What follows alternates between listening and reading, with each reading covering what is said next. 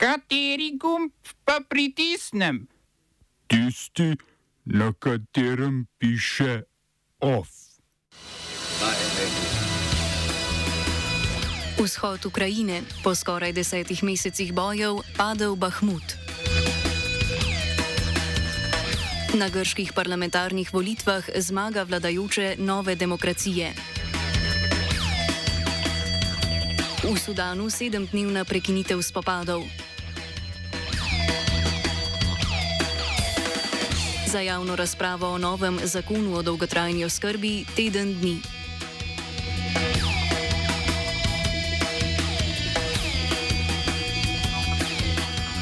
Na parlamentarnih volitvah v Grčiji je zmagala vladajoča konzervativna Nova demokracija. Stranka, ki jo vodi premijer Kirijakos Mitsotakis, je po 99,7 odstotka preštetih glasov dobila skoraj 41 odstotkov glasov. Siriza pod vodstvom Aleksisa Ciprasa pa dobrih 20 odstotkov. Na tretjem mestu je deklarativno socialdemokratska stranka PASOK z nekaj prek 11 odstotki glasov. V parlament sta se prebili še komunistična stranka Grčije in desničarska grška rešitev. Za absolutno večino v parlamentu je novi demokraciji zmanjkalo pet sedežev. Tri največje stranke bodo imele vsaka tri dni za poskus sestave koalicije. V vladajoči stranki so že napovedali, da koalicije ne bodo sestavljali, saj želijo ponovne volitve, ker hočejo vladati sami. Včerajšnje volitve so potekale po novem proporcionalnem volilnem sistemu, ki ga je parlament sprejel v času vlade Sirize in po katerem ena stranka v parlamentu težje dobi absolutno večino. Na ponovnih volitvah bi zopet veljal stari sistem, torej večinski, ki ga je v svojem mandatu ponovno uvedla nova demokracija. Na tokratnih volitvah je sicer glasovalo 60 odstotkov volilnih upravičencev, volilno pravico pa so prvič imeli tudi 17-letniki.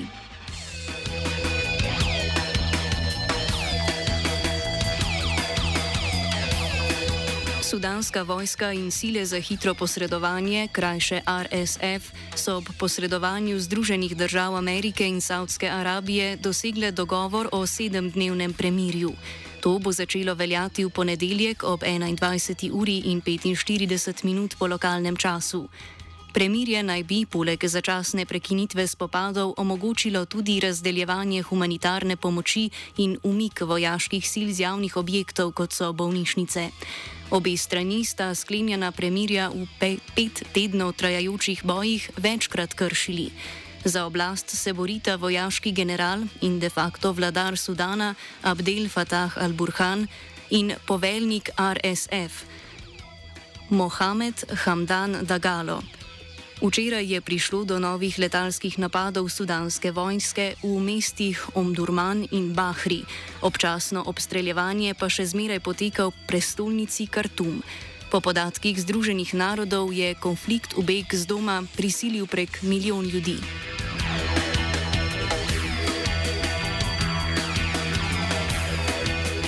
Poveljnik ruske najemniške vojske Wagner, Evgenij Prigožin, je konec tedna sporočil, da so zauzeli Bahmut, za katerega so boji potekali od lanskega avgusta, obstreljevanje pa se je začelo maja.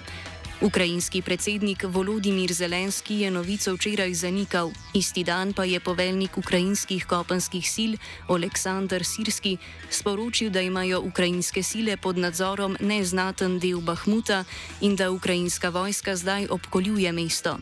Ukrajinski mediji medtem poročajo samo o bojih v zahodnih predmestih Bahmuta. Prigožin je potem, ko je oznanil osvojitev Bahmuta, napovedal umik Wagnerja iz mesta in predajo nadzora ruskemu obramnemu ministrstvu.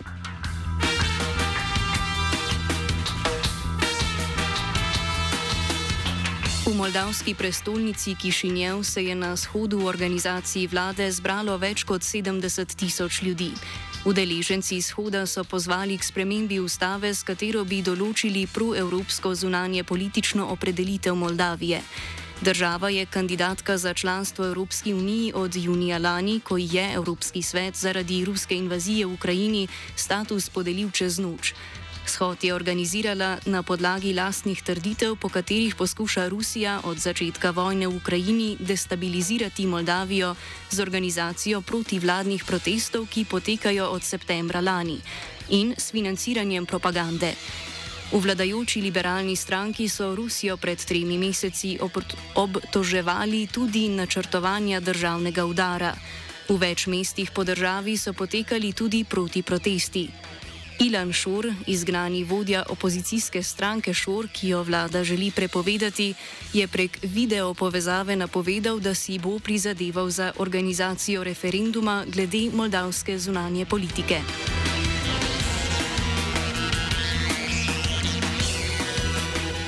V Romuniji se je na ulicah zbralo prek 150 tisoč učiteljev in drugih šolskih delavcev, ki zahtevajo više plače.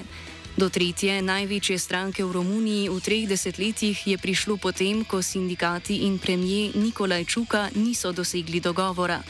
Vlada naj bi sindikatom sicer ponudila finančne stimulacije za novo zaposlene, stalno pedagoško osebje na socialno šipkejših območjih ter povišanje plač za nepedagoško osebje. Po stališču izobraževalnega sindikata Spiru Haret pa bi morala vlada ponuditi bolj jasne obljube in pripraviti časovnico za povišanje plač.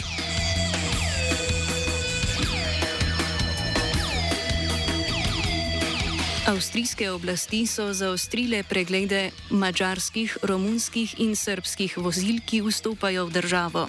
Avstrijsko notranje ministrstvo se je za poostritev nadzora na meji odločilo potem, ko je mačarski premijer Viktor Urban pretekli teden izdal ukaz o izpustitvi več tisoč zapornikov obsojenih tihotapljenja. Edini pogoj za izpustitev je, da so zaporniki Mačarsko zapustili v 72 urah. Avstrijski zunanji minister Aleksandr Schallenberg je zaradi izpustitve na zagovor poklical mačarskega veleposlanika.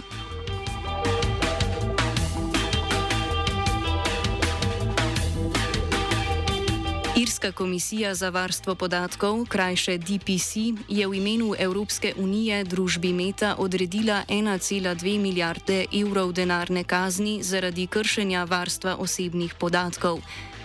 Podjetje Meta je podatke o uporabnikih iz Unije preneslo v Združene države, kar je v nasprotju s predhodno sodno odločbo. DPC je preiskovalni postopek z Upermeto začelo leta 2020, ko je ugotovila, da družba ni obravnavala tveganja za temeljne človekove pravice in svoboščine posameznikov, na katere se nanašajo osebni podatki. DPC je sprva želela, da bi Meta začasno ustavila prenose podatkov, a so temu nasprotovali nas nadzorni organi Evropske unije, ki so predlagali globo. DPC se je na to obrnila na Evropski odbor za varstvo podatkov, ki je odločil, da mora Meta vendarle začasno ustaviti posredovanje osebnih podatkov Združenim državam. Gre za tretjo globo, ki jo je družba Meta prijela v Evropski uniji in skupno četrto v pretekli polovici leta.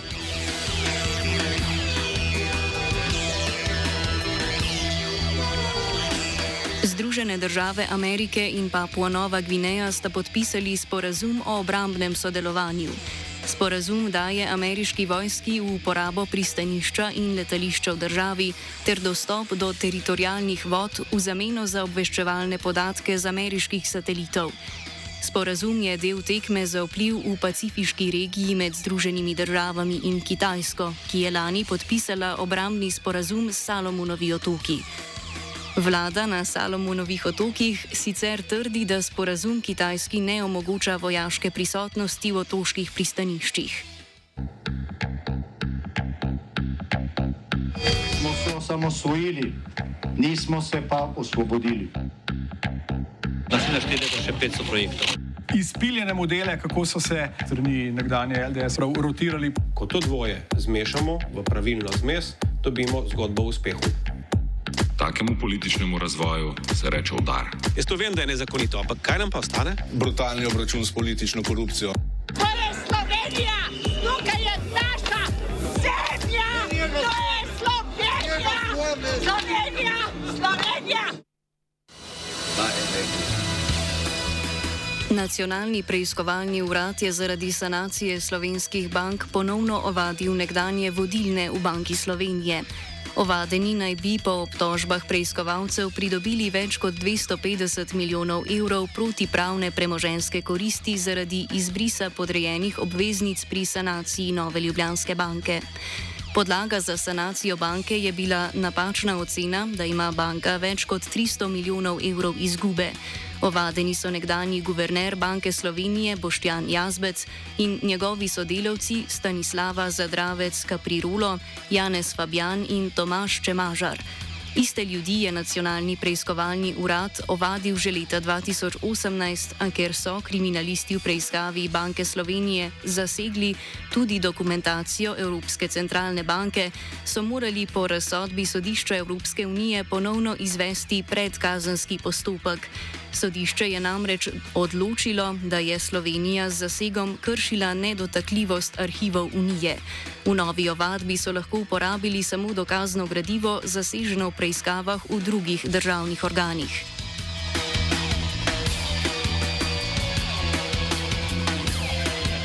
Neodvisni kandidat Samo Rajš je zmagal na nadomestnih županskih volitvah v občini Rače Fram in to z 58 85 pardon, odstotki glasov.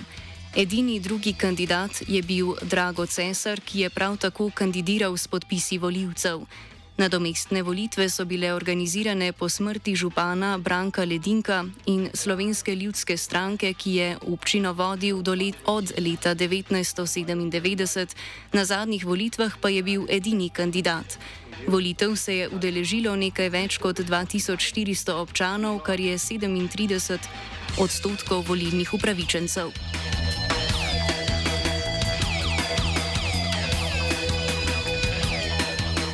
Zaposleni na upravni enoti Ljubljana so napovedali enourno prekinitev dela, ki se bo zgodila v sredo. Zahtevajo dvig plač za sedem plačnih razredov in izenačitev nazivov na upravni enoti z nazivi na ministrstvih. Delavci na upravnih enotah prejemajo osnovne plače, ki se začnejo v 25. plačilnem razredu, kar pomeni, da jim mora država do polne minimalne plače doplačevati. Stavkajoči torej zahtevajo dvig plač za 28 odstotkov. Ob tem zahtevajo tudi blagajniški dodatek.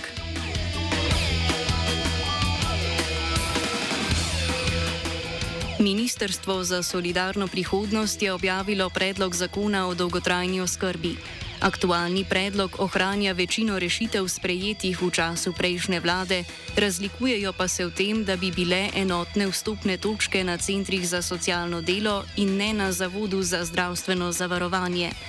Drugačna je tudi časovnica upeljave sistemske ureditve. Kako bo urejeno financiranje, kar je manjkalo zakonu iz časa Janševe vlade, bo znano do konca tedna. Predviden čas za javno razpravo je do tega petka, torej pet delovnih dni, do česar so kritični v Združenju Srebrna nit. Poleg tega so Združenju Srebrna nit z ministerstva poslali drugačno besedilo zakona, kot so ga javno objavili. Predsednica Srebrne niti Anita Karuzo povzame, v čem je problem prekratke javne razprave in kaj je po njihovem mnenju pomankljivost predloga zakona. Ne glede na to, da je bil v načrtu sklican tretji eh, sestanek z predstavniki deležnikov, eh, ki naj bi eh, tako kot doslej tvorno prispevali z svojimi predlogi in pripombami k oblikovanju takega predloga, da eh, bi v razpravi lahko, eh, lahko v bistvu bil eh, deležen podpore. Eh, zaskrbljeni smo nad takšnim načinom eh, dela. Eh, tak način dela zmanjšuje zaupanje v resnost pristopa k zakonodaji z tega področja. Da ne govorim, da v navedenem besedilu ni predvidenih oziroma predloženih podzakonskih izvedbenih eh, eh, dokumentov. Mislimo, da v tem trenutku pripravljamo pobudo za podaljšanje javne razprave in upam, da bo ministrstvo to pobudo podprlo in omogočilo, da se deležniki in javnost vključimo v razpravo za, z namenom optimizacije tega tako perečega področja. Ovsta pripravila vajenec Matej in Tija.